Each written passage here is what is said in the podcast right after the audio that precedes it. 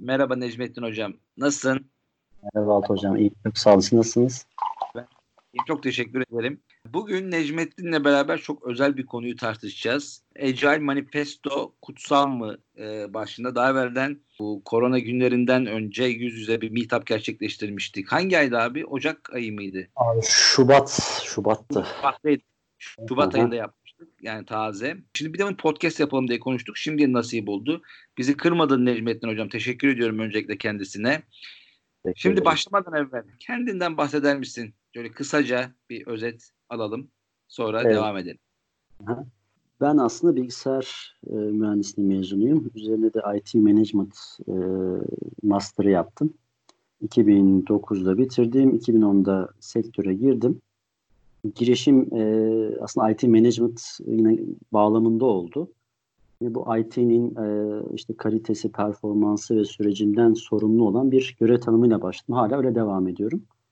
E, buradaki kalite, ürün kalitesi değil, e, bildiğiniz manadaki bu süreç kalitesi, sürecin iyileştirilmesi, süreçlerin performansının ölçülmesi e, gibi aslına bakarsan kalitesini arttırmasıyla alakalı çalışmalar yapıyoruz. Şu an e, da bir bankadayım. Önce de bir bankadaydım. İki tane şu an kurum e, gezmiş oldum. E, aslında 2014 yılı idi. Benim e, Scrum'la tanışmam oldu. Birçok kişi gibi aslında Agile'e Scrum gözlüğüyle baktım e, ben de.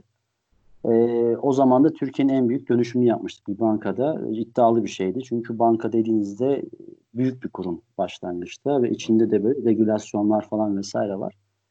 Bu iddialı işin altından kalktık. 200 sene kadar ciddi manada aslında COVID e, denen bir regülasyon şu an Türkiye'de kullanılan bankacılıkta. Onunla biz işte IT süreçlerini bir araya getirmeye çalıştık. Geldi mi? Geldiğine inanıyoruz aslında bakarsan ama e, yine de tam içimize sinen bir şey olmadı. E, benim oradaki aslında Agile ola, olan ilişkim e, devam etti. Nasıl devam etti? Ben e, akademik yayınlar üretmeye başladım yine Agile ile alakalı. E, sonrasında yine ürettiğim e, aslında fikirler, içerikler sadece akademik dünyaya sınırlı kalmadı. E, akademik olmayan dünyada da işte değişik eventlerde işte fikir alışverişinde bulunma imkanım oldu. Sonra eğitimime e, bu dönem doktora ile devam ediyorum. E, Gebze Teknik Üniversitesi'nde işletmede doktoraya başladım. Yine konu da Agile olacaktır. Yani doktora ile ilgili çalışmam. Şu an ders aşamasındayım ama yine hala yayın, fikir üretmeye devam ediyoruz. E, genel olarak e, benim geçmişim, Agile olan bağlantım bu şekilde. Çok teşekkürler. Şimdi Necmettin Hocam geldiği zaman hani böyle çok güzel bir konu başlığıyla e, sanırım 2019'un sonlarına doğru bir konuştuk. Agile Manifesto kutsal mı diye. Yani o temelleri sorgulayan bir konu başlığında geldiğinde ben ilk çok şaşırdım. Nasıl dedim konu başlığı enteresan çünkü o hiç sorgulanmamış bir nokta. Yani Agile Manifesto herkes yani onun ne olduğunu bilir ama detaylarının sorgulanması ne anlama geliyor? Bu noktada ben sormak istiyorum hocam. Agile ne demek? Yani hiç bilmeyen birisine bir Agile'i burada anlatmak istesen nasıl anlatırsın? Temelleri sorgulayarak gidelim mi? Ee, yani agile ne demek sorusunun herkeste bir tanımı var. Bir algı aslında. Perception dediğimiz her insanın kendi bir algısı var. O algıyla ürettiği bir e, tanıma da gidiyor ama genel tanımlardan belki başlamak daha doğru olur. E, aslında iki tane tanımı var e, bana sorarsan. Bir tanesi şu an çok klasik manada kullanılan değişime reaksiyon verme, aksiyon yani e, cevap verebilme yeteneği olarak görülüyor. E, bu tanımı ben biraz doğru bulmuyorum açıkçası. İki tane sebebi var. Bir tanesi şu, e, değişime reaksiyon vermedi. Reaksiyon biraz edilgen geliyor bana. Yani IT'nin o edilgenliğinin biraz sanki tanımı gibi aslında reaksiyon üretmeden ziyade değişikliğin kendisini de üretmek e, agile olabilir. Yani hızlı bir şekilde kolay bir şekilde değişiklik üretmek de reaksiyon gerektirmeyecek şekilde proaktif e, bir şekilde de değişiklik üretebilirsiniz. E, bu manada e, yani biraz daha böyle geniş perspektiften düşündüğümüzde e, sözlük tanımı bana daha şey geliyor. E, yani bildiğimiz manadaki sözlük tanımı yani Agile'in kendi tanımı bana daha manalı geliyor. Orada Agile'i tanımlarken de hızlı ve kolay bir şekilde hareket etme kabiliyeti diye tanımlamış. Ee, diğer bir husus da şimdi değişiklikten bahsediyoruz ama bu değişiklik neyin değişikliği? Yani change of what dediğimiz şey. Yani müşterinin gereksiniminin değişikliği mi yoksa bir requirement'ın değişikliği mi vesaire. Ee, şimdi bu değişiklik dediğimiz şey müşteri değişikliği olarak kabul edersek aslında biraz daha e, işin arkasındaki perdenin arkasındaki realiteyi kaçırmış oluyor. O da şu. Müşterinin değişikliği her zaman e, mutlak manada iyi bir şey olmayabilir. Müşteri belki başlangıç size ifade etmek istediği şeyi doğru ifade edememiştir, yetkin değildir, yeterli değildir vesaire. O yüzden ben biraz daha değişikliğin realitenin değişikliği olarak görmek istiyorum. Yani realitede gerçekleşen değişiklik bana daha manalı geliyor. Müşterinin ötesinde, onun da arkasında. Bütün bunlar aslında sözlük kavramı. Bir de karmaşalar var. Karmaşalar dünyası var. O da şöyle, Agile denince e, bu sözlük kavramı dışında başka bir şey daha çağrışımda bulunuyor. Bu da bu ya aslında Agile dünyasının paketlediği, ambalajladığı bir kavram olarak büyük harfle yazılan Agile. Burada daha çok aslında e, bir endüstriyel terim olarak yani bir pazarlama terimi olarak Agile'i çok kullanıyoruz.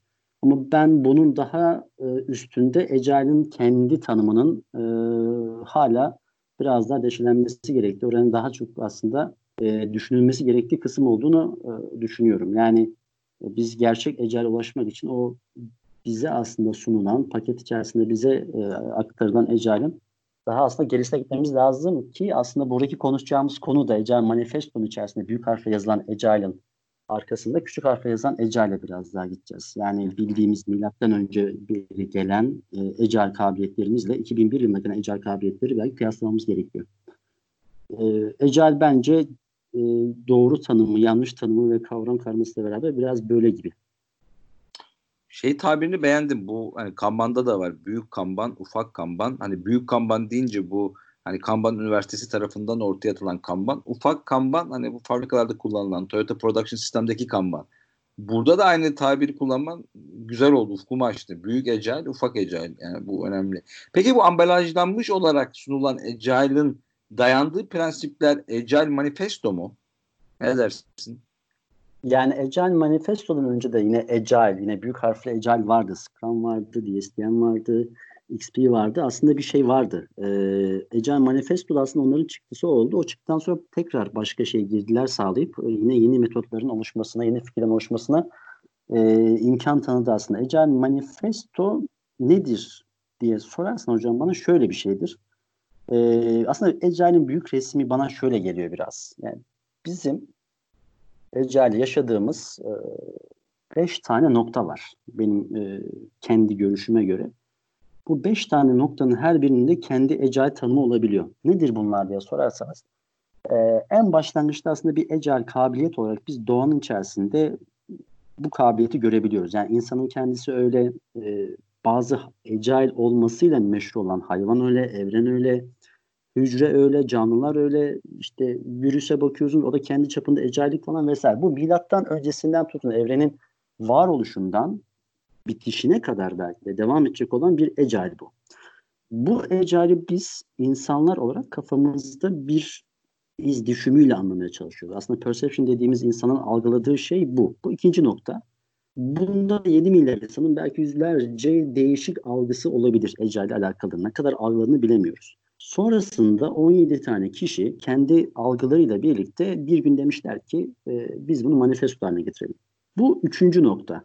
Bir de bu manifestoyu baz alan aslında frameworkler var. Scrum var, işte diğer frameworkler, e, DET gibi falan vesaire. Biz de bu e, frameworklerin Agile Manifesto ne kadar kapsadığını çok da fazla bilmeyerek aslında bir şekilde kullanmaya çalışıyoruz. En son noktada Scrum'ı implemente eden diyelim bir e, ekip, kurum e, bunu da implementasyon noktasında yaşamaya çalışıyor. En uç nokta burası. En baş nokta neresiydi? Aslında evren dediğimiz. Ecail'in böyle daha mutlak manada, pür manada, saf manada suyun daha bulanık olmadığı manada yaşandığı yer.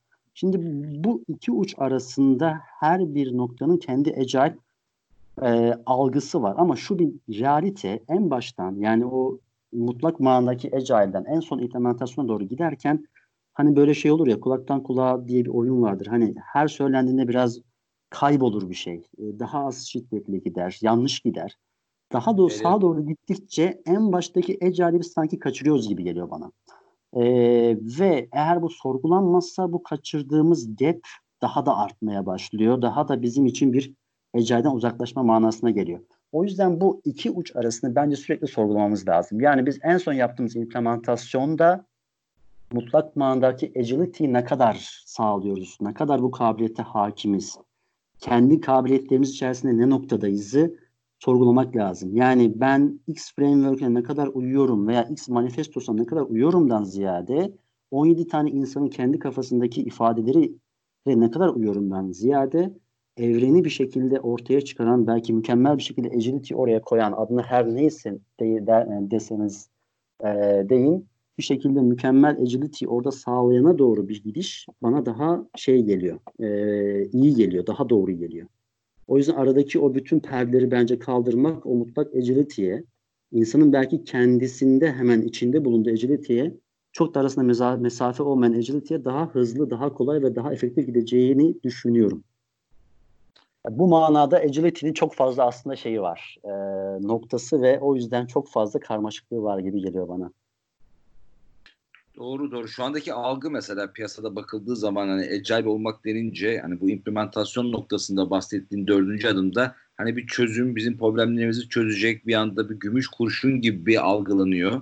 Özellikle üst yönetim tarafından ee, ve tabii yanlış sonuçlar ya da bek yani beklenti burada çok büyük olduğu için doğru sonuçlara ulaşılamıyor. Yani benim bizim yani piyasadan gördüğüm çoğunluk o şekilde ama öze dönmek hani doğayı gözlemlemek zaten içimizde olan o gücü e, olan şeyi keşfetmek çok güzel bir yaklaşım. Ama şu da enteresan. Yani Ecel Manifesto kutsal yani bu 17 kişinin algılarıyla olaya bakmamak da çok önemli. Ya ben şuna mesela çok takılmıştım. O seneler önce hani bir insan kaynaklarının insan kaynakları departmanının Agile manifestoyu baz alarak Agile dönüşümü başlatması benim kafama oturmamıştı. Hala da oturmuyor. Bunu söylemek istiyorum. E, sen ne dersin? Evet, evet yani sonuçta Agile Manifesto software development için Agile Manifesto. Çünkü orada Working Software Over Comprehensive Documentation dediğinizde ve bunu İK'nın e, hani duvarına astığınızda uymuyor zaten bağlam olarak. Şöyle bir şey var. Aslında Agile Manifesto for X, Y, Z olması lazım. Aslında yani İK'nın kendi manifestosu olabilir. İşte başka departmanın kendi manifestosu olabilir. Bu manifestonun da e, çok da sabit olmaması gerekiyor. Yani sürekli olarak iyileştirmesi lazım. Sonuçta bu da bir insan ürünü. Sonuçta yani şu varsayım veya şu kabulle gidiyoruz biz. Manifesto kutsal değil. Çünkü, neden? Çünkü kutsallık zinciri aslında kopuyor. Nerede kopuyor?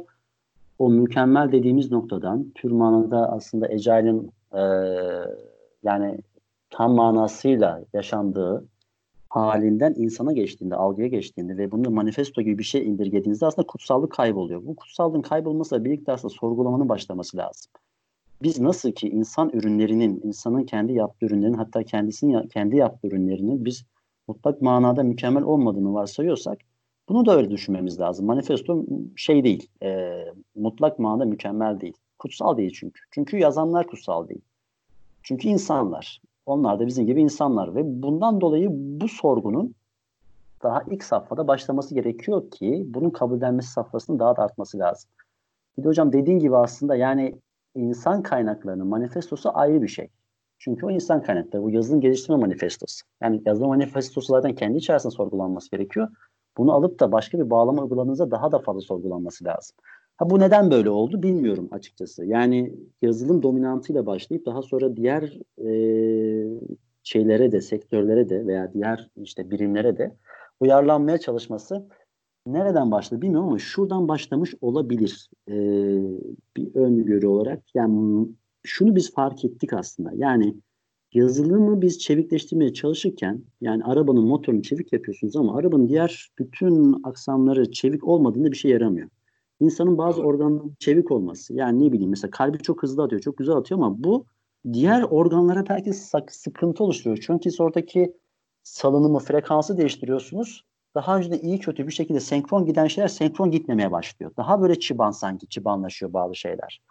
Ritimler bozuluyor vesaire. Yani tek yükün olan bir belki aksak giden ama tek yükün olan bir şeyin tek yükün olmasını bozuyorsunuz.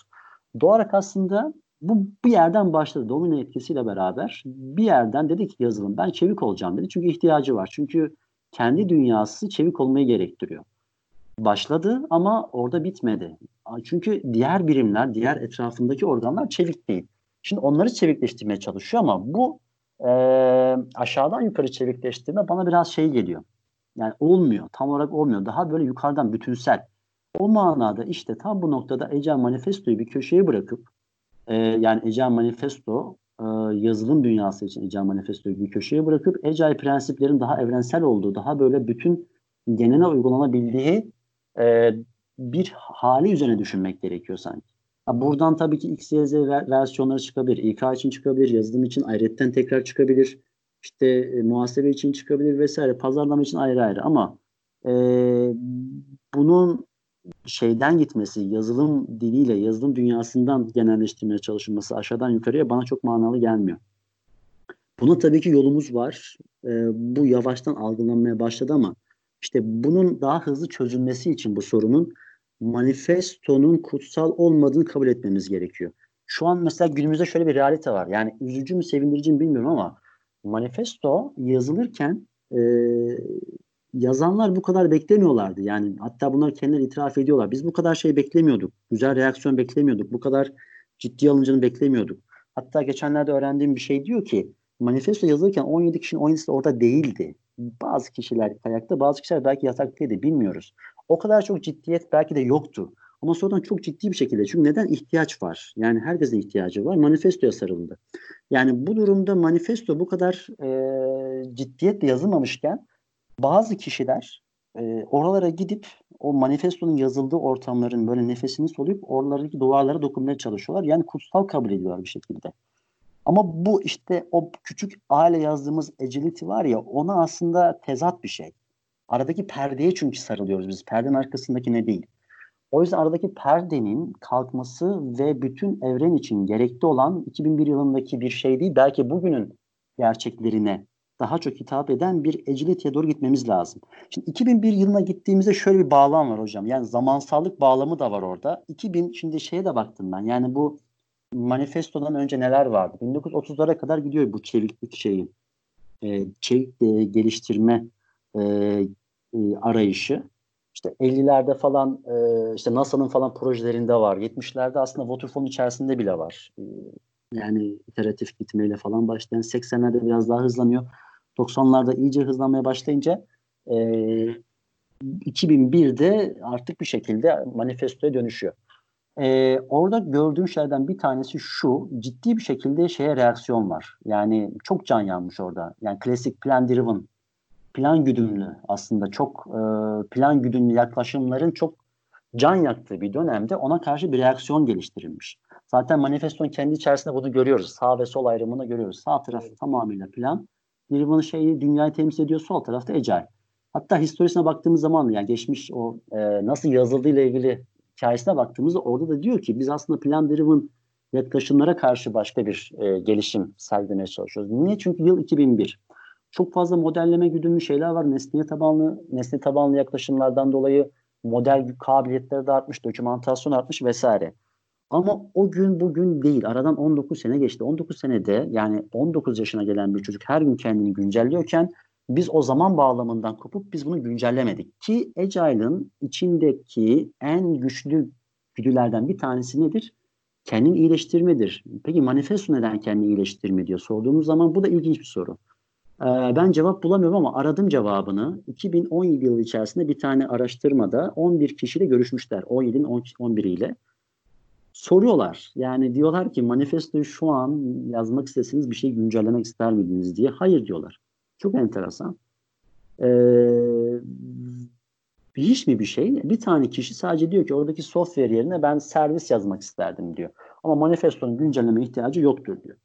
Bu hmm. agile e, şeyine bana biraz uymuyor. Yani çeviklik, kendini iyileştirme, sürekli aslında looplar yani bunu biz öğütlerken diğer taraftan manifestoyu ya dokunmamak bana çok şey gelmiyor, agile gelmiyor. Bu ilginç bir nokta bana sorarsan. O yüzden bence 17 kişinin Agile ile ilgili derdinin olmadığını şu an biliyorsak en azından 11'inin bununla biz dertlenmeliyiz. Çünkü niye? O insanlar belki şu an çok rahattırlar. Belki şu an keyifleri iyidir ama bizim hala değil. Çünkü niye? Biz bu Agile ile dertlenen bir kurumda veya dertlenmek isteyen bir kurumda bu işin ter döken tarafında olan insanlarız. O yüzden bizim hala derdimiz canlı yani. Ee, o yüzden daha çok dertlenmeli ve manifestonun arkasına geçmeliyiz. Onun arkasındaki nedenlere ve prensiplere belki küçük e, e, A agility ile tekrar bir bakmamız lazım gibi geliyor bana. Sana katılıyorum. Ee, bu noktaları çok doğru söyledin. Birkaç nokta ekleyeceğim ben. Şimdi dedin ya yani insanlar neye e, Agile'de bu manifestoya sarıldılar. Benim teorimde şu. Şimdi firmada mevcut bizim çalıştığımız firmada danışmanlık yaptığımız firmalarda e, insanlar bir dönüşüm ihtiyacını hissediyorlar. Mecbur bir şey dönüşecek bir ihtiyaç var. O zaman da bu dönüşüm işi riskli olduğu için bir hazır yani riskli ve zor olduğu için insanlar bir hazır reçete arıyorlar. Düşünmeden atabilecekleri ve karşılarına Agile Manifesto böyle bir akım olduğunda bu o, kulübün bir üyesi olmak onlara cazip geliyor çünkü riski minimize etmek için. Ee, evet. e, böyle bir şey olabilir yani benim gözlemlediğim yani sezdiğim bir şey bu. Yüzde yüz bir kanıt yok arkasında burada. Ee, bir de şu da var şimdi Agile Manifesto'nun üstünden geçeceğiz ama hani bu over kısım var ya şu şu ne karşı evet. şunu yani prosesler yerine ilişkiler. Hani şimdi burada birazcık haksız yani, yani prosesler önemsiz gibi anlaşılıyor. Ama yani şimdi Toyota'nın mesela Toyota Production sistemi aynı e, bir moda gibi uygulayan lean yani yalın felsefe sorgusuz sualsiz uygulayan Toyota'nın çözümlerini hazır alan ki şu an Spotify'ın modelini hazır alıp kullanan firmalar gibi o zamanlar da e, Toyota'nın hazır çözümlerini alıp kullanan firmalar zor duruma düştüler. Ve bu o kadar ağır prosesler vardı ki çünkü Lean ağır ve Toyota Production System aa bu çok zor iş dediler işte bu yani bu Toyota bu bu olamaz hani. Ama Toyota şöyle dedi. Ya bunlar benim kendime kendi problemlerime bulduğum çözümler. Siz benim çözümlerimi evet. alıp uyguluyorsunuz kendi problemlerinize. E o zaman da ortaya tabii ki ağır prosesler çıkınca sanki buradaki Agile Manifesto tabii ona bir atıfta bulunuyor. Ama burada yani teşhis tedaviyle gitmek ve e, o arkasındaki prensiplere bakmak e, kesinlikle doğru. Ben e, ilerledikçe ben e, Kanban prensipleri zaten e, çok daha ortada ama Scrum'un prensiplerini çıkartmaya çalıştım. Ondan da bahsederiz. ama bu noktada bu over meselesi var. E, evet. Senin sonunda da bahsettiğin bu over'da hani bu sağ tarafı komple çöpe mi atılması anlaşılıyor? E, nasıl anlaşılmalı ya da? Hocam buradaki şey over e, over'ın arkasında bence iki tane sebep var. Yani düşünce, mantalite olarak iki tane. Bir tanesi binary thinking. Neden binary thinking? Aslında 10 tane developer diyoruz. Bu developer sıfır bir binary thinking'e biraz şey aşinalıktan kaynaklanan bir şey var. Ee, ikincisi az önce bahsettiğimiz aslında şey var. Yani bir antiden güç alma. Ya yani anti bir şey. Anti ne? Anti işte plan driven'dan güç alıyorsunuz. Kendinizi ona göre tanımlıyorsunuz. Zaten insanlar çok çekmişler. Oradan aldığınız güçle beraber ciddi bir hızla başlıyorsunuz. Yani sıfır hızla değil daha hızlı bir şekilde giriş yapabiliyorsunuz. İşte dokümantasyondan mı sıkıldınız? Evet. O zaman buyurun sol tarafa. İşte ne bileyim e, çok fazla araçtan mı sıkıldınız? Buyurun sol tarafa. Bu tanımlamadaki bu güç e, alma isteği biraz aslında Hegel diyalektiğinden de yani biraz bir batı zihniyetinden de kaynaklanıyor. E, Hegel ne diyor? İşte bir e, zıt kutupla beraber aslında kendini tanımlamaya daha çok kapı açan bir şey. Bu ikisiyle beraber e, siz e, böyle bir şeyi yani yani nereye gideceğini belki bilmiyorsunuz ama böyle bir tanımla işgüdüsel veya değil yaptığınızda karşıya tabii ki çok doğal olarak aslında solun sağı sıfırladığını görüyoruz. Ee, bu sıfırlama yazımdan kaynaklanıyor. Yazım hatalı. Yani evet yani az önce bahsettiğim sebeplerden doğru ama çıktının kendisi de hatalı. Ya şunu demeye çalışıyorum. Mesela diyelim ki ne diyor? Ee, diyor ki mesela sol taraf sağ taraf var ve sol taraftakiler daha çok değerli. Sağdakiler de değerli diyor. Ama biz mesela kendi hayatımızdan bir örnek düşünelim. Biz bir değerimizi, bunlar value, değerler. Bir değerimizi ifade ederken biz sağ sol diye ayırır mıyız? İki tane iyi şeyse eğer. Yani iki tarafta değer varsa. Örneğin ben sevgiyi saygıdan, mesela insan sevgisini hayvan sevgisinden, çalışan yöneticiden ee, daha değerli görüyorum der miyiz? Eğer iki tarafta da değer varsa demeyiz bu şekilde. Biz ne deriz? Ben işte saygıya değer veriyorum, sevgiye değer, insana işte hayvana değer veriyorum. Bir over yapmayız. Yani bu şekilde ifade edilir. Değerler hep bu şekilde ifade edilir. Eğer iki tane güzel şeyden bahsediliyorsa, evet. Eğer sağdaki şeyler mutlak manada kötüyse, evet. O zaman dersiniz ki İşte iyi olan kötü olandan daha değerlidir. Evet. Zaten bunu herkes kabul etmiştir. Evrenseldir. Ama siz eğer ki iki tane iyiyi bu şekilde yazarsanız ki iyi diyor. Çünkü kendisi diyor ki soldakilerde sağdakilerde değer vardır. İki tane iyiyi bu şekilde yazarsanız insan düşüncesi orada kesinlikle sol tarafa alacaktır. Bu yazım dilinden kaynaklanan burada bir sıfırlama var. Bunu nerede görüyoruz? Bunu e, danışmanlıklarda çok fazla görüyoruz. İşte o tanımlama aşamasındaki kullanılan o yaklaşım danışmanlıklara doğru da gidiyor. Onlarda da aslında şöyle bir şey var. Yani işte az önce bahsettiğim sağdan çok mu çektiniz, sol tarafa gelin gibi bir şey var. E, tabii insanlara cazip gelen bu şeyde e, birçok taraftar bulabiliyor. E, bu böyle olmak zorunda mı? Kesinlikle değil. Yani biz e, sağdan da nasiplenmemiz lazım yeri geldiğinde ki şu an ne yapıyoruz mesela araçları kullanıyoruz kullanmak zorundayız e, işte yüz iletişim için de araçları kullanmaya kalkıyoruz e, çünkü sağ taraftaki şeylerin değerleri de bir şekilde bizde mutlak manada e, gündelik hayatta yaşadığımız şeyler mesela araçları biz mesela ecel dünyada sıfırlayacak mıyız sıfırlayamayız ee, mesela dokümantasyon hiç mi yapmayacağız? Kesinlikle yapacağız. Mesela ne diyor? Working Software over Comprehensive Documentation. Yani software'in kendisinin bile çalışması için öncesinde bir belki dokümantasyona bir ihtiyacınız olabilir. Ee, mesela şey çok enteresan. Şimdi buradan geldik. Ee, bir tanesi mesela detayına girelim. Örneğin e, responding yani to change over following a plan. Mesela bu benim favorilerimden bir tanesi. Planlama dediğimiz bir daha bir söyler misin? Onuncu, dördüncü şey e, Altı Hocam. Dördüncü değer. Değişikliğe e, cevap vermek bir e, planı takip etmekten daha değerlidir diyor. bu, bu mesela ilginç bir şey. Benim üzerine biraz böyle kafa yorduktan sonra bir zaman sonra aklıma şöyle bir şey geliyor. Yani planlama diyorsunuz. Mesela planlama. Şimdi mesela sağ sol diyoruz ya. Sağla sol aslında çok iç içe girmiş durumda e, planlama diyorsunuz ama planlama bir bak bakımı bizim hayatımızın her aşamasında olan bir şey. Örneğin mesela bir kişi karşıdan karşıya geçecek diyelim. Öyle düşünelim. E, bu kişi ne yapıyor? Mesela diyor ki şu araba geçtikten sonra hemen peşine ben geçeceğim. Bir plan yapıyor. Çok atomik seviyede, çok kısa vadede. Sonra doğal bir, doğal bir aslında süreç. Diyelim araba geçmedi veya ne bileyim biraz yavaşladı. Siz hemen ne yapıyorsunuz? Yaptığınız planı tekrar işte revize ediyorsunuz. Plan adaptif bir şekilde revize ediliyor ve tekrar siz aslında e, planlama planlamayı yaptıktan sonra o plana tekrar bir şekilde uyuyorsunuz. Ya uymaya çalışıyorsunuz. Planlamanın şöyle bir doğası var. Çok ilginç bir şekilde insanoğlu aslında geleceği bilmek istiyor. Bunu herkes ister. Yani bu, bu kaçınılmaz bir şey. Geleceği bilmek istiyor. Gelecekle ilgili bir şeyler yapmak istiyor. Yani geçmiş zaten biliniyor. Şu an zaten yaşıyoruz. Ama gelecek, o zaman çok enteresan. O zamanı atabildiğimiz bizim kancamız aslında planlamanın kendisi. Bizim aslında şu anla gelecek arasındaki kurduğumuz köprünün kendisi planlama aktivitesi zaten. Doğal olarak biz planlama aktivitesi yapmadan yaşayamayız. Günlük hayatımızın hepsi böyle. Aslında şu an ben konuşurken bile birkaç saniye öncesinden, belki milisaniye öncesinden ne konuşacağımı planlıyorum. Milisaniyeler veya makro saniyeler veya makro yıllar fark etmiyor. Sonuçta büyük de olsa ölçek, küçük de olsa bizim hayatımızda planlama var. Biz plansız yaşayamıyoruz.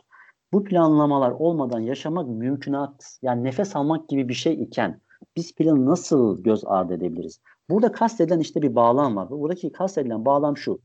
Çok iddialı, geleceği böyle görmeye çalıştığın veya bir şekilde esiri olacağın planlar yapma diyor. Evet haklı ama bu şekilde yazıldığı zaman bu yanlış anlaşılabiliyor. Yani çok ileriye dönük bir plan zaten yapamazsın. Çünkü gelecek dediğimiz şey bilinmeyen bir şey. Doğru onun temsili olan bir planda bilinmeyecektir ve sürekli değişecektir. Bu manada sürekli değişecek olan bir şey bizim esir olmamız gerekmez. Onun bize esir olması bizim ona uymamız değil, onun bize uyması gerekiyor. Bizim yapacağımız her türlü planda bunu gözetmemiz gerekiyor. Atomik planlarda bu manalıyken e, şimdi biz orta uzun vade plan yapıyoruz bunlarda nasıl davranacağız? Aynı şekilde davranacağız. Nasıl çok uzağı net göremiyorsak, yakını net görüyorsak, yakın planları daha net, uzak planları daha az net yapacağız. Ee, yani şunu yapmayacağız aslında. 10 ay sonrasına şu kaynak, şu projede 10 adam gün çalışacaktır. Ya 10 ay sonrasını görmek mümkün değil. Çünkü insan 10 metre ilerisini göremiyor. Yani bunu gerçek hayata vurduğumuzda zaten gerçek hayattaki kabiliyetimizle orantılı bir şekilde bizim bu kendi oyuncak dünyamızda, oyun dünyamızda bunu da yaparsak aslında sorun ortadan kalkmış oluyor. Doğru aslında bu cümle kendi içerisinde bir çelişki üretmekle birlikte e, bence yanlışa meal vermeyecek bir şekilde düzenlenmesi lazım. Yani değişikliğe reaksiyon vermek iyidir diyelim. Bunu yaparken kullandığımız bir planı takip etmekten daha iyidir demeyelim. Yani bu over'lar hep şey. Mesela individual interaction over process and tools. Yani bu da yani bireylerin bile kendi arasında etkileşim kurarken prosesleri ve araçları kullandığı bir dünyada şu an mesela nasıl araç kullanıyoruz? İnsanlar yüz iletişim yapmak için bile yani araç kullanıyor. Bunu yaparken sağ tarafı kullanıyoruz solun içerisinde. Yani mesela working software dediğimiz şey comprehensive olmasa dokümantasyon yapıyoruz. Ne kadar yapıyoruz? Just enough yapıyoruz. Demek ki dokümantasyon gerekiyor ama comprehensive olması şart değil. Yani buradaki kavramın her birine bakmak lazım. Ama şu çok önemli. Yani buradaki sağ sol ayrımı elma armut olmaması gerekiyor. Yani ben comprehensive dokümantasyon yapmayarak veya working software yaparak comprehensive dokümantasyon mevzusunu çözmüş olmuyorum. Biri birbirinden farklı şeyler çünkü. Ve bunlar her zaman zaten böyle yeni bir şey de söylemiş çok da değiliz. Yani bu manada sağ sol ayrımı, siyah beyaz ayrımı, batılı doğulu ayrımı, kuzeyli güneyli ayrımı bu ayrımlardan kaçmak gerekiyor bence. Bu Hegel diyalektiği diyebileceğimiz veya Batı zihniyetinin biraz böyle genlerinde olan ayrımdan biraz kaçmamız gerekiyor. E, çünkü bu varsayımlar embedded bir şekilde geliyor bize. Bizim kapımıza dayandığı zaman da buradaki varsayımın ne olduğunu çok iyi anlamamız lazım ki onları pirincin işte taşına ayıklandığı nokta orası. Biz eğer tacı taşla beraber pirinci yiyorsak o da işte organizasyonun işini kırabiliyor. Çok evet hocam. Yok çok güzel, gayet Şimdi buradaki yani benim e, notlarım şimdi sen konuşurken aklıma gelenleri bir taraftan not alıyorum. Ee, bu aslında davranışsal psikolojideki patolojik bir olaydan bahsettin. Yani bir ya da sıfır şeklinde görmek davranışsal evet. psikolojide e, ya hep ya hiç düşüncesine çarpık düşünceye işaret evet, eden bir şey. Ve bu zaten psikolojide bu yanlış olarak yani bir şey ya bir ya sıfır değildir. O yüzden bunu öyle okumamak gerektiğini vurguluyorsun. Yani burada proses ve tool'lar kötü değil aslında. Ya, ya da burada çok komprehensif doküman, dokümantasyon kötü değil. Ya da pazarlık e, yapmak kötü değil. Ya plan yapmak kötü değil. Yani sağ tarafı komple çöpe atma. Bunlar iç içe kullanılmalı. Okey. Ee, şöyle not aldım ben. Yani bu Agile Manifesto aslında sağ tarafından over işte proses aşırı yani şunu kullanma aslında benim dikkatimi çeken bir nokta da bu yalın e, felsefedeki evet. ana noktası var. İsraftan bahsediyor. Yani israf Aha. bu şimdi yani çok fazla proses kullanırsan, çok fazla doküman yaparsan, çok fazla pazarlık, aşırı büyük planlar hepsi aslında lean'deki israf noktasına vurgu yapmıyor mu? Just enough yani. Just enough kadar yapalım devam edelim diyor. Bu tam ecaillik değil aslında. Ecail biraz da böyle deneme yanılma. Yani mesela ne yapıyorsunuz? Ee, hızlı yanılıyorsun mesela. Hızlı yanılmak şeyde liğine baktığınızda şeydir, israftır belki. Yani yanılmanız gerekmiyordu. Belki yanıldınız. Yani çok kez yanıldınız. İşte 10 tane kurşun attınız, bir tanesi tutsa yeter diyorsunuz Ecail'de. 9 tanesi israftır mesela liğinde. Yani bu manada baktığımızda Lean'le Agile evet bazı yerde güzel birbirine şey yapıyorlar, konuşuyorlar. Bazı yerde Lean'le şey tam uymuyor. Şöyle aslında e, hocam yani plan driven şeyler israfı çok fazlaydı içerisinde. İsrafı çok fazla olduğu için onun içerisinde ama israfı çıkaralım e, anlayışı var. Ama bu işte Agile'in içerisine gömülmüş. Yani Agile'in içerisinde sadece Agile ile alakalı şeyler yok. E, Agile olmakla ilgili tam tanımlar da değil bunlar. Yani pür manada Agile anlatmıyor Agile manifesto bana sorarsan. Yani yazılım odaklı zaten. Çok yazılım odaklı zaten. O yüzden dedim hani bir İK'nın muhasebenin kendi manifestosunu yazması lazım ama evet. prensipler ortada burada yok. Ama şunu sana söyleyeyim mesela Toyota'da e, aşırı plan yapılır. Yani uzun vadeli planlar da vardır. Yapılır. Detaylı planlar, incik boncuk belki bahsettiğin onay. Ama bir şey değiştiği zaman da o gider değişir. Yani plan yapmak o plana yüzde yüz sadık kalmak amacıyla değil. Aslında veri toplama amacıyla yapılır. Ve şartlar değiştiği zaman da bu israf olarak değil. Yani değişiyorsa şartlar o zaman e, o şartlara göre değişim yapılması da gayet doğaldır. Hani problem evet. olarak gözüküyor. Her problemde bir fırsat olduğu için ee, bir nokta ama bu adamlar tabii hangi kontekste yapmışlar? Doğru yani bu adamlar yazılımda hani aşırı böyle bir üçgen vardır yani sabit bütçe, sabit gereksinim. Ona bir isyan var burada gibi anlaşılıyor. Zaten hocam şöyle e, çok güzel bir noktaya değinin. Yani şimdi mesela bu şey vardır. Hmm, tam nasıl okunduğunu bilmiyorum ama hani basit olan, ondan sonra complicated olan, kompleks olan kaotik. Ee, bu, bu, bu hani hep Ecail'de anlatılır. Yani Ecail'de anlatılır, anlatılır. Kompleks olanla ve complicated olan. Şöyle e, mesela gelecekle şey hep karıştırılıyor. Zaman birbirine karıştırılıyor. Yani e, gelecek future'la zaman dediğimiz şey birbirinden farklı. Bir tanesi lineer, çok deterministik bir şey. Yani iki kere iki dörttür. iki, art, iki saniye artı iki saniye dört saniyedir. Ee, ama gelecek öyle değildir. Ben iki saniye sonra ne olacağını bilmiyorum. İki gün sonra ne olacağını bilmiyorum. İki gün sonra günün ne olacağını bilmiyorum ama iki gün sonra ne olacağını bilmiyorum. Yani future'la time birbirinden farklı şeyler. Bu ikisi birbirinden biraz farklılaştığı zaman şöyle bir şey çıkıyor karşımıza. Time dediğimiz şey, deterministik olan şey ister simple'a koyun ister complicated'e koyun. Ee, ama future dediğimiz şey o yani bilmediğimiz şey, kompleks olan yani kelebek etkisinin uçuştuğu yer orası kompleks dünya. Şöyle bir şey oluyor. E, simple'la yani nasıl söyleyeyim baştakiyle ilk gelen o simple, complicated, complex baştakiyle bir sonrakini yönetemiyorsunuz.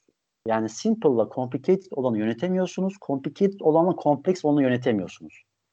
Şimdi ne demek istiyorum burada? Şöyle. Şimdi eğer ki zaman dediğimiz şey complicated bir şeyse onunla kompleks olan geleceği, future yönetemiyorsunuz. Plan dediğimiz şey aslında complicated bir şeydir. Yani e, ama kompleks olan bir şey yönetmeye çalışıyor. Tam anlatabildim bilemedim. Yani e, buradaki e, kabiliyetlerin yani yönetmek istediğiniz şeyin neyse o yazılım dünyası diyelim, kompleks diyelim onu. Kabiliyetlerin karşısındaki kabiliyetlerin de kompleks olması lazım. Complicated dünyadan olmaması lazım. O yüzden kompleks dünyadaki geleceği, future'u complicated dünyadaki planla yönetemiyorsunuz. Onun karşısına en az onun kadar complicated, kompleks olan insanı koymanız lazım. İnsanın adaptif olan kabiliyetlerini koymanız lazım. O insanın özünde, ne bileyim doğasında olan, aslında bir şekilde kanında gezen çeviklikten koymanız lazım. O manada işte e, zaman yönetimini yapmaya çalışan e, ve bunu yani bu, bu, bunu böyle şey complicated dünyadaki gibi Newton fiziğiyle işte ne bileyim matematikle yapmaya çalışan zaman yönetimi ve bu şekilde zaman yönetimiyle gelecek yönetimi yapmaya çalışan şeyler çuvallamaya başlıyor. Yo olmuyor. E, çünkü Newton fiziğinin olduğu yer kuantum fiziğini yönetemiyor. Kuantum fiziği daha çünkü şey kompleks. E, bu manada işte bu ikisini ayırmak lazım. Yani bizim e, yönetmeye çalıştığımız şey gerçekten e, realitenin kendisi olması lazım. Zamanın kendisi olması lazım. Müşterinin arkasındaki realite her neyse onun kendisi olması lazım. Bunların proxy'lerinin olmaması gerekiyor. Ne demeye çalışıyorum? Realitenin mesela proxy'si kimdir? Müşteridir. Müşteri bir şey söylüyor ama onun realitenin proxy'si o. Mesela dokümantasyon yazılımın veya geliştirmek istediğiniz sistemin neyse artık onun proxy'sidir. Kendisi değildir. Mesela sprint dediğimiz şey sprint dediğimiz şey de zamanın proxy'sidir. Kendisi değildir o. Aslına bakarsak e, hep biz proxy'lerle, gölgelerle dövüşmeye çalışıyoruz. Proxy'nin iki tane sıkıntısı var. Birincisi gerçekle aramızda aynı güneş tutulması gibi bir şey oluşturuyor. Karanlık oluşturuyor. İkincisi de aslında tam şey kabiliyet olarak kab yani temsil edemiyor. Aynı şeyi şuna da söyleyebiliriz. Agile Manifesto gerçek agility'nin proxy'sidir de diyebiliriz. Yani proxy'lerle şey yapmayalım. Mesela product owner müşterinin proxy'sidir. Gerçeği değildir. Hazır. Müşteri de aslında realitenin proxy'si. Biz üçüncü şeyden alıyoruz. Yani üçüncü ağızdan. Kula, hani kulaktan kulağa da biz üçüncü ağızdan bir şey duyuyoruz. Realiteye gitmek gerekiyor. Çeviklikle realiteye gitmek gerekiyor. Proxy'lerle pek şey yapmamak gerekiyor. ilgilenmemek gerekiyor. O yüzden zamanı bir stream gibi yönetmek, e, planlamayı da atomik yapmak, hep canlı yapmak, insanın aslında kendi kabiliyetleriyle yapmak, e, araçların vesairelerin kabiliyetleriyle değil de onlar da prosu çünkü. Dokümantasyonların kabiliyetleri değil de aslında insanın kendi kabiliyetleri yapması gerekiyor. E, bu şekilde çevikliğe, o suyun daha bulanmadığı yere, suyun daha temiz olduğu yere, içtiğinizde böyle daha fazla faydalandığınız yerine kaynağına daha çok yaklaşmış oluyorsunuz. Ee, zaman yönetimi bana biraz böyle geliyor açıkçası ve çok iddialı bir şey. Çünkü zaman yönetimi biraz şey Tanrı'nın yani Allah'ın mevzusu. İnsanla tanrısallaşmak, geleceği bilmek isterken biraz o bölgeye giriyor. Haddini aşmaya doğru gittiği zaman da e, şey yapıyor. E, karşısına şey geliyor. Yani bir dur diyor yani. Siz mesela bir plan yapıyorsunuz. Diyorsunuz ki ben eve bir buçuk saatte gideceğim. Kaza oluyor. iki buçuk saatte gidiyorsunuz. İddialaşacak mısınız mesela? Yani bir buçuk saatte Yok. gitmek planı güncelleyeceksiniz aslında orada. Yani o çünkü realitedir. O realite, gelecek. O, o bizim şeyimiz değil. O dominant olan o. E, kelebek etkisinin döndüğü, bizim hesaplayamadığımız şey o. Plan dediğiniz aslında yani denizde damla yani o manada. Realiteye uymak e, daha şey geliyor. Ben burada mesela Kanban'ı beğeniyorum. Çünkü o proxy'den değil şeyden geliyor onun gücü. Realitenin kendisinden. E, yani biz zamanın direkt kendisini görüyoruz. Akışın direkt kendisini görüyoruz. Müşterinin direkt kendisini görüyoruz. Müşteri uçtan uca görüyoruz.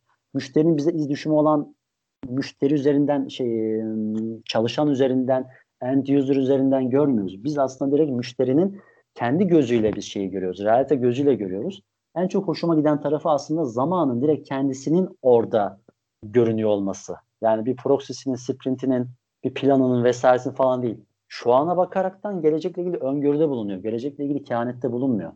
Ee, diğer bir şey de aslına bakarsan realiteye göre oradaki mesela VIP'ler, Kanban'daki VIP'ler realiteye göre gel, arkasındaki her neyse konsept, işte demand, fikir, kon, yani her neyse onlar realiteye göre, oradaki üretim hattına göre aslında e, geriye doğru siz şey hizalıyorsunuz.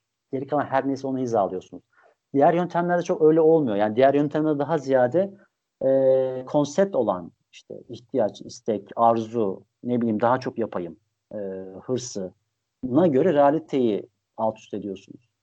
E, realite çok şey ya bence Agile'in şeyi bu. E, can alıcı noktası burası yani. Doğru, zaman doğru. zaman müşteri ise müşteri e, yani her neyse bence o yani. Geliştirmenin kendisi ise o. Çok güzel örnek edin. Şöyle katkı verebilirim. Bu e, Russell Akoff bu sistem organizasyonel düşünür var. Onun bir lafı var yani sistemin e, parçaları diyor. Sistemin kendi yani sistemin kendisi bu parçalarından daha büyüktür. Demek evet. istediğin aslında yani e, dedin ya bu kalp örneği vermiştin. Hani Aha. kalp hızlı çalışırsa aslında diğerleri için de kötü olabilir bu ritmi bozar diye.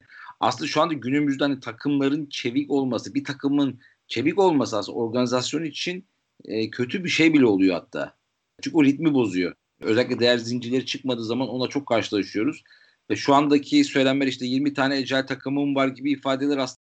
Çünkü esas takımların arasındaki ilişkilerin e, çevikliği önemli burada. Çünkü sistem oluşturan parçalar o. Şöyle bir yani kompleks e, tarafa gelmek istiyorum. Kompleks nedir diye böyle bir e, baktığında komplekslik aslında bahsettiğin gibi canlı yani realiteyle alakalı bir şey. Hani bir şey sabitlendiği zaman artık kompleks evet. olmuyor mesela. Örneğin saat. Mesela bir saat evet çok parçaları böyle karmaşık ama o bir saat abi sabitlenmiş artık. O hani öngörülebilir. Evet. Ama özellikle mesela şu anda takımların arasındaki ilişkiler, agility bahsettim. Bu mesela evet. e, canlı olduğu için bu kompleks bahsettiğin gibi orada hani complicated'daki o yöntemler burada sökmez. Çünkü Aynen. o canlıdır. Evet. İşte burada da bahset Kanban'ın o e, work in progress limitlere işe sınır koymak, görselleştirmek, evet. politikaları açık hale getirmek, geri bildirim şeyleri, e, loopları, işte toplantıları mı diyeyim orada. E, bu noktaları uygulayabilmek önemli. Yani o daha re, realiteye, canlılık diyelim aslında e, uyuyor. Bir şey daha ekleyeceğim burada. Getting Things Done diye bir yöntem var. Ben onu çok seviyorum. Kendi hayatıma da uyguluyorum. Orada e, David Allen e, yanılmıyorsam onu bulan kişinin adı diyor ki doğal planlama diyor nedir diyor doğal planlama. Kim Hı. diyor ki bunu beyniniz bilir diyor. Nasıl diyorlar? Diyor ki mesela diyelim ki akşamdaki bir hafta sonra annenin doğum günü var diyor. Annenin ne yaparsın diyor. Hemen beyin diyor plan yapar diyor. İşte kız kardeşini arar, onu arar, pastaneyi arar. Sen bunları diyor yapmazsın. Beyin kendiliğinden yapar. Hani bahsettiğin ilk o doğal olan, canlı evet. olan realiteyle zaten beynin nasıl yapacağını biliyor. Bırak beynine sor diyor. Onu Bana şey çok acı geliyor hocam. Yani e, mesela kuruma giderken mesela yani kurumdan çıkıyorsunuz. Yani doğal hayatta o işte doğal içselleştirilmiş veya işte yani doğuştan gelen çevikliği yaşıyorsunuz. Saat işte 5 ise 5'ten 6, 6 6'dan sonra kuruma tekrar ertesi gün gittiğinizde yani o çevikliği şeye yani o da güvenliğe bırakıp ondan ayrılmak bana çok şey geliyor. Çok ağır geliyor. Yani gerekli değil bu. Onunla beraber içeri girmemiz lazım. O zihniyetle beraber içeri girmemiz lazım. Onu taşıyabilmemiz lazım içeri yani aynı şekilde. Ya bana da işte o yani o yapaylık, o e, teşhis koymadan tedavi, yanlış tedavilerin uygulanması beni de üzüyor işte. Ya burada tabii yani Spotify'ın kendisi de aynı şeyi söylüyor bu arada. Benim modelimi birebir uygulamayın diyorlar. Ama hani e, böyle bazı şeyler hazır alınması ya da ya Scrum'ın kendisi de burada tabii bir hazır tedavi noktasında duruyor benim gözümde. Uzman değilim ama hani birebir uygulamak e, iyi gelen yerler olabilir ama düşünmek lazım. Teşhis oysa uygulayın. İhtiyaç buysa uygulayın. Hep böyle bir uygulamada olmak lazım. Yani manifesto kutsal mı? Değil dediğin gibi. Hani yazım dilindeki bu patolojik olayı ortaya koyman çok enteresan bence. Kesinlikle e, her şey sorgulanmalı bence de. Yani realiteyle, gerçeklikle kopuk olmamalı. Hatırlıyorum. Evet. Ee, yani buradaki e, mesela şeyler de var. Yani kutsallıkla alakalı yani ilginç varsayımlardan bir tanesi aslında bu prensipler mesela prensiplerin prensip olduğuyla alakalı bir şey. Mesela bunların bir kısmı prensiple değil yani. Daha hani böyle Bayes'e gidersek bir kısmı iddia. Yani mesela ne diyor? İşte çalışan yazılım e, işte ilerlemenin temel şeyidir, ölçütür gibi bir şey var. Bu bir iddiadır. Yani bu iddia doğru da olabilir, yanlış da olabilir. Mesela en iyi işte işte nedir? Mimariler, requirement'lar, design'lar işte kendi kendi yöneten takımlardan çıkar. Bu da bir iddiadır. Yani bu, bu böyle de olabilir, olmayabilir. Olmayabilir, olmayabilir. Doğru, yani, doğru söylüyorsun. Prensibin kendisi de prensip. Yani şimdi kutsallıktan gidiyoruz. Ee, mesela şey de var mesela basitlik tanımı. Basitlik tanımı mesela yapılmayacak işlerin maksimize edilmesi bu bence bu da değil. Yani mesela yapılmayacak işlerin maksimize edilmesi e, yani bir şeyin ne eksik ne fazla olması gibi yani mesela bir uçağı düşünüyorum ben. Uçağı düşündüğümde uçakta eksik bir parça var diyebiliyor muyuz? Diyemiyoruz. Yani bir tane vidayı bile çıkarmaktan insan korkuyor. Ee, bir tane vida ekleyelim mi? Ondan onu eklemekten bile korkuyor. Ee, uçak peki basit mi? Değil. Mükemmel. Yani bence mükemmel çalışıyor. Yani kusursuz çalışıyor. Eksik ne, ne eksik ne fazla. Yani bir şeyin içerisinde gereksiz bir şeyin olmaması basit olduğu manasına gelmiyor. Basitlik başka bir şey gibi geliyor bana. Ya buradaki şeyler tanımlarda bile şeyler var aslına bakarsak. Yani e, kusur mu diyeyim artık bazı şeyler var. E, mesela benim yine dikkatimi çeken şeylerden bir tanesi e, bu mesela ekiplere güvenmekle alakalı olan mevzu. Yani bir, bir, bir framework düşünün. Framework geliyor. E, bu framework geldiği andan itibaren kimseyi default olarak iyi veya kötü bir insan yapmıyor. Kötü iyi, iyi kötü yapmaz. Ee, doğal olarak aslına bakarsak yani ahlaki değerler gibi işte ne bileyim güven gibi hususlar bir framework ile çözülebilecek bir şeyler değil. Yani siz aslına bakarsanız belki de hiyerarşik yapıda e, A yöneticisini yani mesela ahlaki değerlerle alakalı bir mesela sıkıntı yaşayan A yöneticisini gidip aynı şekilde o yin yang'in siyah bölgesi çok güçlü olan bir kişiyi takımın içerisine koyuyorsunuz. Tek değişen şey bu. Yani bu kabuller de bence sorgulanması gereken şeyler. Yani böyle daha çok temelde e, işte insanla ilgili konuşulan şeyler olmasına karşın insanla ilgili belki çok fazla uzmanlığı olmayan insanların konuştuğu şeyleri e, yine sanki sorgulamak gerekiyor. E, bu, bu, bu şeyler de e, en sonunda mesela beni şeye doğru götürdü. Yani bütün bunların e, bir historisi var. Yani zamanda bir e, anlamı var, bir bağlamı var. E, bu bağlamla beraber düşündüm. Manifesto bende daha oturuyor bir yere. E, o bağlamı dışına çıktığında eğer genellemeye bunu evrensel değerlere doğru yüklemeye çalıştığımızda o zaman işte hatalar daha çok oluyor. Buna buna sanki şey yapmak lazım. Daha çok dikkat etmek lazım. Yani bu göz e, çok canlı olduğu müddetçe bu bizde şeyi de işte aldığımız frameworkleri de sorgulamamıza sebep olacak. E, bütün o pratikleri de, bütün o prensipleri de sorgulamamıza sebep olacak. Bunlar sorgulanması lazım mı? Evet. Ben şeyi de düşündüm hocam. Sen az önce mesela bahsederken bir süre şeyi düşündüm. Yani bizim framework ihtiyacımız var mı? Yani biz direkt prensipten kendi pratiklerimizi üretemez miyiz? Ee, bir süre düşündükten sonra şu noktaya vardım. Evet ilk safhada işte çevikliğin ne olduğuyla alakalı çok fazla bilgimiz yoksa bunun pratiklerin ne olduğuyla alakalı çok fazla fikrimiz de olmayabiliyor. Yani daha böyle yeni doğmuş aslında bebek belki e, hayatı bilmiyor veya anne belki bebeğini bilmiyor. Veya kung fu öğrenmek istiyorsunuz. Felsefesini çok iyi okudunuz ettiğiniz ama hareketlerini bilmiyorsunuz. Ne yapacağını bilmiyorsunuz. Bir safhaya kadar e, bir annenin belki bunu sizin aslında eventte e, bir arkadaş örnek vermiş. Çok hoşuma gitmişti. Hatta kendisine söylemiştim. Başka e, yerlerde kullanmak istiyorum diye. Bir annenin belki annelikle alakalı bir kitaba belki başlangıçta, pratikleri belki başlangıçta ihtiyacı olabilir. Bir kung fu çalışan bir kişinin belki bir kung fu hareketlerini başlangıçta bilme ihtiyacı olabilir. Ama bu bir safhadan sonra artık insanın o felsefesiyle, pratikleriyle beraber onun üstüne çıkması gerektiğini düşünüyorum.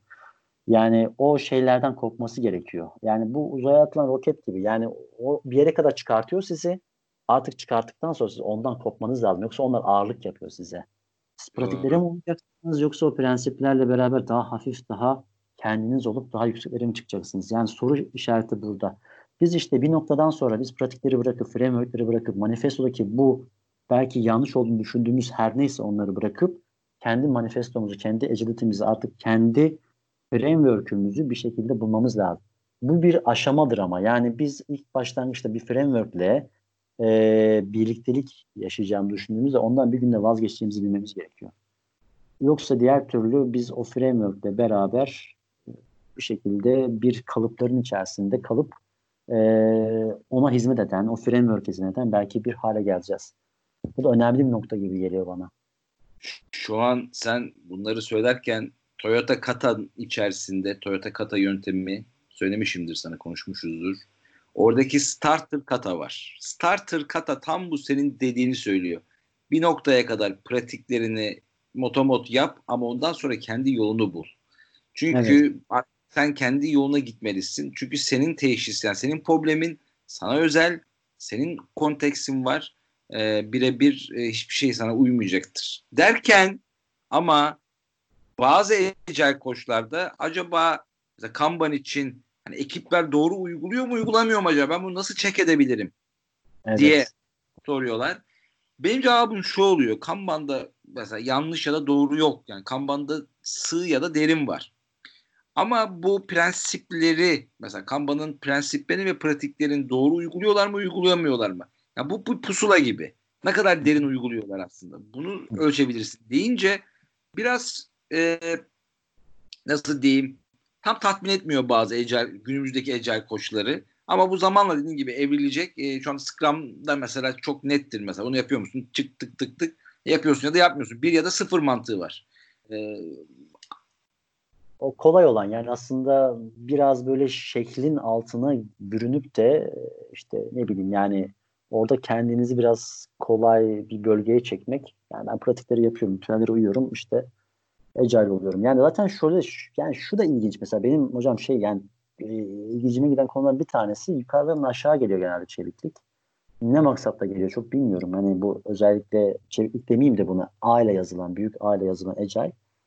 Ve insanların genelde böyle hani ertesi gün kalktığında kendilerini bir şekilde çevik dünyaya adım atmış gibi görüyorlar.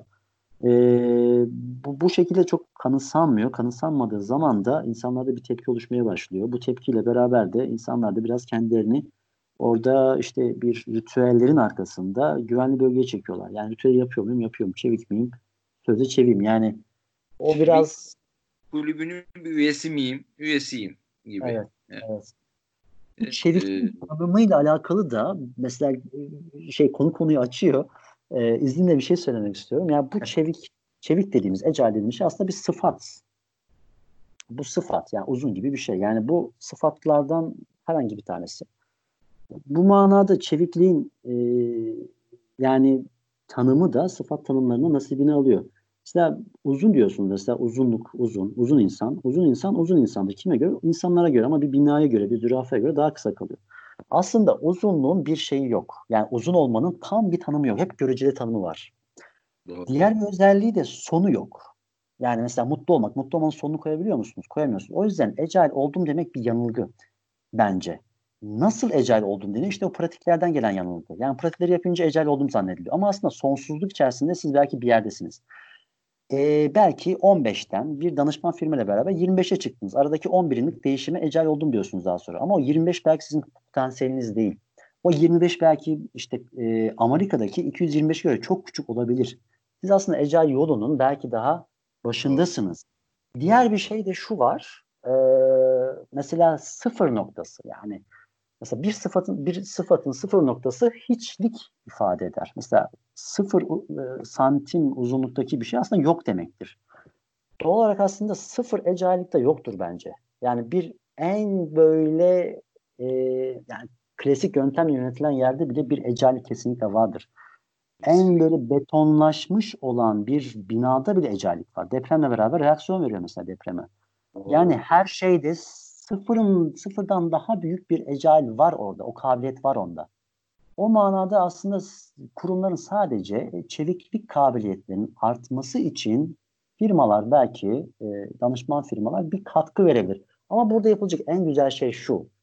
E, o balık tutup da yani onu o 15'ten 25'e çıkarmak değil o firmayı da o firmanın içerisine öyle bir şey koymak ki aslında onlar 15'ten 225'e çıkmaları belki. Yani o kabiliyeti, çeviklik kabiliyetini öğrenip onlar da işte prensipler üzerinden oluyor. Bunlar işte değerler üzerinden oluyor. Bunlar gerçek manifestonun arkasında her neyse onu keşfetmekle oluyor. Ama işte bu satılabilir bir şey değil. Çok enteresan bir şekilde yani siz bir firmayı 15'ten 25'e çıkardım deyince aa yani so what deniyor.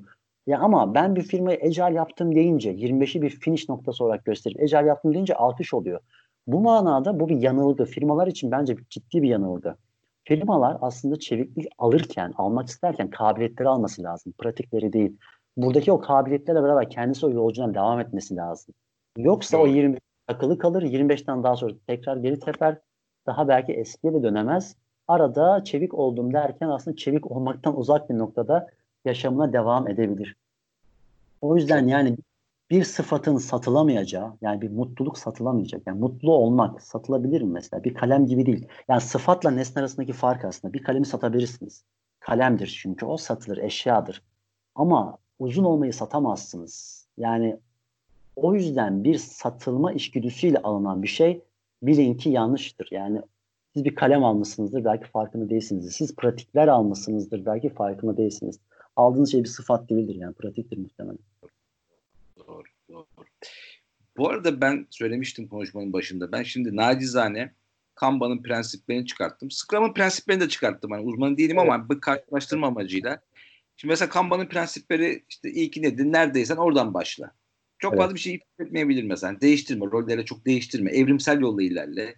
Her yerde liderlikleri teşvik et. Bunlar evet. tabii çok baktığın zaman yani bir pratiğini görmen lazım. Dediğim gibi kung fu kitabını okuyorsun ama bir tekmeyi de bir göreyim diyorsun.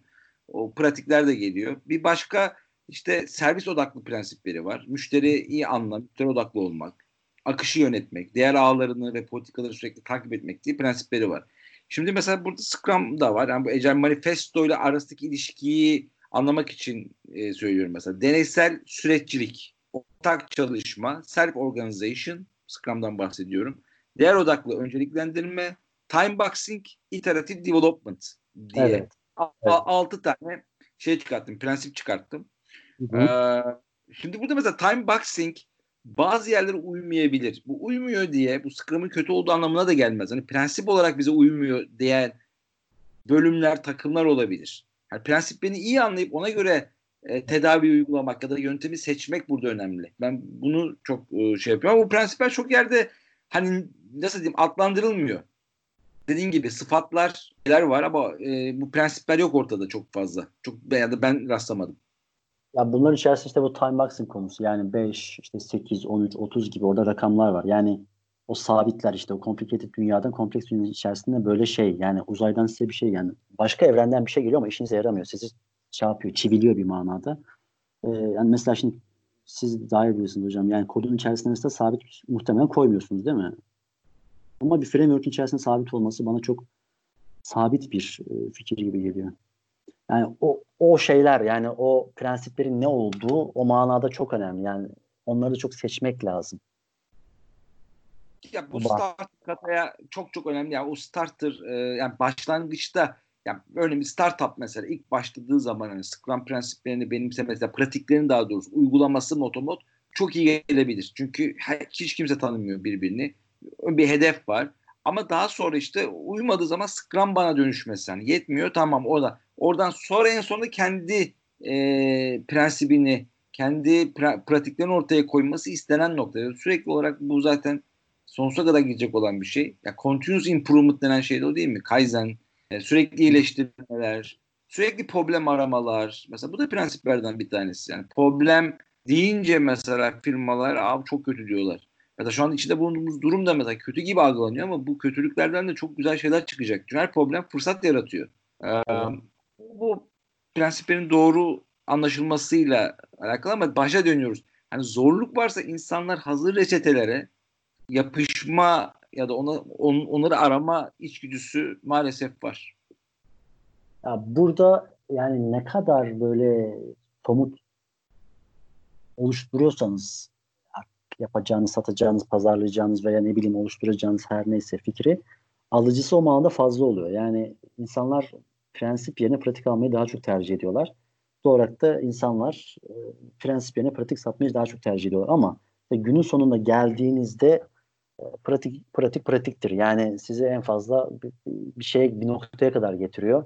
İşte daha böyle soyut olan, daha böyle işte zor olan ama işte yani en sonunda size daha çok kazandıran şey e, bu, bu prensibi işte mindset'i bir şekilde e, insanlara şey yapmak yani aşılayabilmek. Bu manada işte sizi ne kadar az kısıtlıyor, sizin önünüzü ne kadar çok açıyorsa bir şey e, o kadar iyi diyebiliriz yani onun için. Doğru. Bir de tabii şu da önemli. Özellikle Kanban'ı uygularken olabildiğince üst seviyeden başlamayı yani C seviyesinden başlamayı ben şiddetle tavsiye ediyorum. Dinleyen kişiler de buna özen göstermesi önemli. Yani bir takımın takım bazında yani Kanban uygulaması veya farklı bir şey uygulamasının çok fazla bir değeri olmayacaktır. Ee, önemli olan üst seviye. Yani üst seviyeden başlarsa bu iş daha kıymetli, daha fazla getirisi oluyor. Yani bu prensipleri uygulamak ya da bu işte görselleştirme pratiğini, work in progress'i üst seviyedeki o C-level'daki kişilerin uygulaması çok çok değerli. Aynen. Bu arada mesela hocam ben şeyde e, bir dersle alakalı bir tane şey çalışma yapıyorum, yürütüyorum. Burada e, bu agile metotların listesini çıkardım. 20 küsur tane metot ve bunların prensiplerini çıkardım. Tam aslında konuştuğumuz konuyla alakalı. Bir, kendimce şey yaptım, derleyip topladım. Şunu gördüm temel olarak aslında bu büyük resim. Yani uçtan uca. Yani bütün kurumsal boyutuyla, müşteri boyutuyla büyük resim görebilen şey çok fazla yok. Yani çok az. Ve metotlar genelde birbirine benziyorlar ve 90'dan sonra yani 90'lı yılların doğurduğu bir şey gibi. Yani iteratif çalış. O 90 yani onlar tam o değil. İşte ee, yani müşteri var. Müşterinin ama genelde STLC içerisinde veya işte yazılım geliştirme, sistem geliştirme içerisinde daha çok böyle içeri girmesiyle ilgili şeyler var ama müşterinin ötesi, sağı solu, arkası vesairesi yine bütünsellik çok fazla yok. Bu time box mesela oradan geliyor biraz. Yani time box da yine 90'lardan böyle e, bize hani hatıra olarak verilmiş. Yani birçok kökü böyle 90'larda ama yaşadığımız yıldan değil. Yani şu an geldiğimiz şeyde daha çok böyle süreklilik var. Yani continuous delivery var, continuous, continuous deployment var. Ee, belki biraz mesela DevOps belki ikinci, üçüncü jenerasyon diyebileceğimiz bu agile metotlar bu şeyi biraz kırıyor. Aslında biz şu an biraz kırılım yaşıyoruz gibi. Ne kadar böyle bizi o işte şeye tutan yani Agile'ın daha böyle e, temellerine, o suyun bulanmadığı yere yaklaştıran prensipler, pratikler, işte metotlar varsa e, onlara biraz daha çalışmak lazım. Yani eski biraz eskide bırakmak gerekiyor gibi geliyor bana. Doğru, doğru. Bu self organization'da e, benim yaptığım bir araştırmada 1800'lerin ikinci yarısında çıkıyor. Yani ordular çok büyüyor, cepheler çok büyüyor ve komutanlar diyor ki biz artık mikro management yapamıyoruz. Hani bir talimat verdiğimiz zaman artık o talimat yerine gelene kadar o komut artık çok geç oluyor. O zaman ekipler kendi kendini yönetsinler diyor. Oradan gelen ve 90'larda yine harlanan bir olay bu self organization çok, konusu. Çok, çok şeyi var eskiden aslında. Yani aslında bu self organization konusu enteresan bir konu. Yani insanlık da bence yine self organize başladı. Onlara kimse şey demedi. Yani bir tane şeyiniz var, yöneticiniz var, o yöneticiye itaat edeceksiniz falan. Yani biz hala şu gün bugün yani demokrasi vesaire şunla bununla bir yöntemle kendimizi yönetecek olan insanları seçiyoruz. Yani şey değil mi ilginç aslında yönetici seçiyoruz kendimize. Bunu bu, bunu isteyerek yapıyoruz. Yani aslında günün sonuna geldiğimiz şey e, tarih boyunca biz bu organize olma diyelim. Organize olmayı, yönetmeyi, yönetilmeyi her neyse araştırıyoruz. Yani bu bugünün sorunu değil. Milattan öncesinin sorunu. Yani bu Mısırlar zamanında da vardı, şimdi de var. Doğarak aslında biz bu kalıtsalı şu an yaşıyoruz. Yani biz bir takıma self organize ol dediğimiz zaman tarihsel baştan hadi bakalım siz sanki dünyaya yeni gelmişsiniz gibi düşünün ve kendinizi bir şey yönetmeye çalışıyorsunuz. Sorunsalı da tekrar onları baş başa bırakıyoruz. Belki kendileri bulacakları şey en son yine şey olacak. Yani yönetici mi seçsek acaba falan gibi olacak. Yani aslında bu şeyler bir şeyi e, söylemekle bitirmiyorsunuz. Aslında başlatıyorsunuz. Yani takımlara güven mesela. Güvenmiyorsunuz. O yin yang'i ne yapacaksınız? Ya yani insanın iyi var, kötü tarafı var. Hala bir şeyler var. O yin yang bitmedi ki. İnsan içerisinde daha böyle kanında hala dolaşan şeyler var. Takımlara self organize ol demekle iş bitmiyor. Yeni başlıyor. Yani bu tür şeyler aslında tarihin konusu olmuş olan şeyler. Ee, bunlar bunlar şey yani bunlar eskinin. Yani Ecel beraber geldi dünyamıza değil. Ecel beraber bitti artık değil. Aslında her şey daha yeni başlıyor yani. Buradan belki bakınca yine e, karşımızdaki sorunun hani o yani çok, da şey olmadığını yani çok da böyle küçümsenecek bir sorun olmadığını görüyoruz abi. Çok tarihselliği olan bir sorun yani. Mevzular daha doğrusu. Doğru, doğru, doğru. Ya bu işte en son e, en son değil mi? Yani bu sene içerisinde okuduğum biri Inventing Organizations diye bir evet. Evet. Da, yani orada renklere bölmüş renkler var. O renklere göre organizasyonların yapıları işte artı noktaları, eksi noktaları var. Ama en son şeye doğru geliyor böyle. Yani şu andaki günümüzdeki hani bu mevcut virüsten dolayı insanların evde olmadığı hani kimse kimseyi kontrol edemiyor. Yani ofisler boş. E, güvenmek zorunda herkes birbirine. Bu noktada iyi. Yani bu onun aslında son bu gelişmişliğin hani güven, Ondan sonra evet. esneklik, karar alma, geri geldiği zaman esnek işte e, koordine olabilmek e, bunları e, bu sayede de görmüş olduk. Yani onu ona doğru gidiyor aslında organizasyonlar. O hiyerarşiler kırılıyor biraz daha. Ee, evet. Yani hiyerarşik düzen şey değil. Yani çok bence çok eski. Çok yani 1900'lerin başından belki 20'lerden geliyor. Sorgulanması lazım. Yani her şeyden önce onun sorgulanması lazım. Yani Waterfall'un sorgulanması lazım olduğu gibi buna sorgulanması lazım kesinlikle. E, çünkü hiyerarşi çok şey e, yani çok ideal bir şey değil yani kesinlikle her kurumun kendine göre bir organizasyon şekli. Yani bu manada yani bu aslında bir şeye dokunduğunuz zaman birçok şeyle beraberinde belki değiştirmeniz gerekebiliyor. Yani bir tane organı sadece tek başına çalışamıyorsunuz. Organla beraber vücudun geri kalan işte o sistem diyoruz ya belki o sistemin bütünselliği içerisinde organ ne ifade ediyor? Bunun temas ettiği neler? Belki biraz da bütünsel baktığımızda birçok şeye dokunacağız. Yani biz mesela süreçleri şu an çalışıyoruz. Diyelim organizasyon süreçlerini çalışıyoruz ama organizasyonun organizasyonla da çalışmamız lazım. İnsan boyutunda çalışmamız lazım. İnsanların belki psikolojik tarafından çalışmamız lazım. Liderle çalışmamız lazım gibi gibi böyle çorap söküğü gibi gelen şeyler var. Hepsi bütünsel. Kültürün çalışmamız lazım. Kültür olmadan olmuyor. Ee, bu manada yani bütün bu şeyler aslında günümüze işte bu da aslında çeviklik. Yani günümüze geldiğinde biz bunları ne yapacağız? Bütün bunları ne yapacağız? Sorusu da bence işte realiteye tekrar uyuma bence çabası. Çok haklı bir çaba bence bu. Şimdi bu noktada ya Kanban metodunu burada söylemek istiyorum. Yani Kanban metodunun bence yanlış bilinen bir tarafı var. Hani post-it yapınca, işte akınca, work in progress koyunca Kanban var ama Kanban'ın diğer tarafı da bu arada change management, hani değişim yönetimi evet. için de kullanılıyor. Yani ne demek istiyorum? A noktasından B noktasına gitmek istiyorsun. Daha çeviklik, daha böyle işler e, self organizasyon noktasına gitmek, ilerlemek istiyorsunuz, derinleşmek istiyorsunuz. Yani evrimleşme yoluyla bunu yapabileceğiniz bir metot aynı zamanda. Çünkü işin sosyolojik ve psikolojik tarafları da var.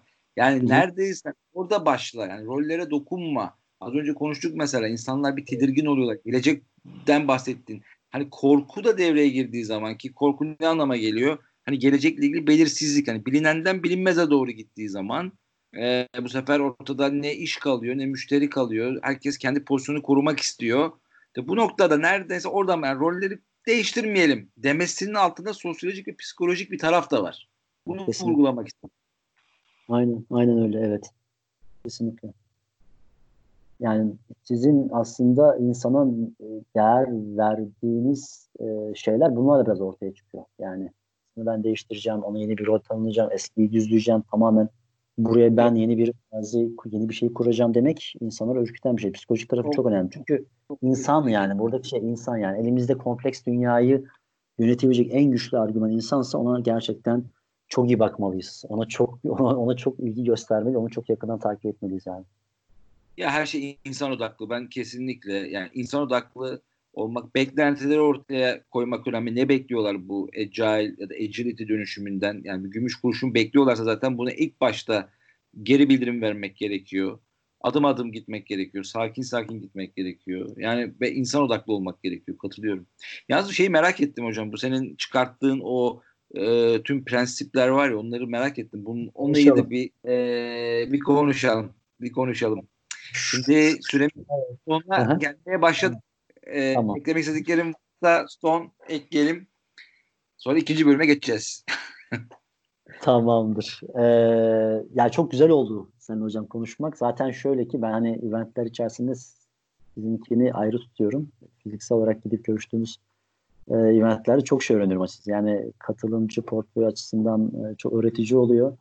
E, yani ben kendim konuşmacı olarak gittiğimde de çok şey öğrendim. Çok e, faydalı oluyor. Bu işte podcastlerle yapılan şeyleri de hepsini tek tek dinliyorum. E, bu manada hani yer ayırdığın için hani bir şekilde beraber konuşmak için fırsat tanıdığın için çok teşekkür ederim. Umarım da faydalı olmuştur e, arkadaşlara. Yani konuşulacak çok şey var. E, yani yapılan şeylerle birlikte bunlarla paralel e, işte fikirleri belki tekrar e, böyle sıfırdan ele alıp e, konuşacağımız şeyler çok fazla. Yeni fikirler ortaya koymak önemli. E, bu manada e, bunun güzel bir girişim olduğunu düşünüyorum. E, umarım faydalı olmuştur. Çok teşekkür ediyoruz. Yani ben e, kendi adıma e, çok aydınlandım. Hani o starter kata noktasındaki o örneğin kumf örneği harikaydı. Hepsi tabii çok çok değerli. Çok vurucu olan noktayı ben söylüyorum. Kendi adıma çok keyif aldım. Ya prensipler, prensipler ve değerler bu nokta eksik piyasada. Gerçekten insanlar önem vermiyorlar. Hazır e, çözümler peşinde koşuluyor ve zaman kaybı oluşturuyor. Daha evvelden yapılmış hatalar tekrarlanıyor bunlar için bir bilinçlik, bir farkındalık oluşturabilirsek hep beraber büyük bir mutluluk olacak hepimiz için. Ben teşekkür evet. ediyorum. Ee, ki günlerde de inşallah bu prensipler noktasında çalışmalarını paylaşırsın uygun bir zamanda. Bütün memnuniyetle. Çok teşekkür ediyorum. Görüşmek üzere. Sağ olasın. Çok sağ olasın. Görüşürüz. Sağ ol. Sağ ol.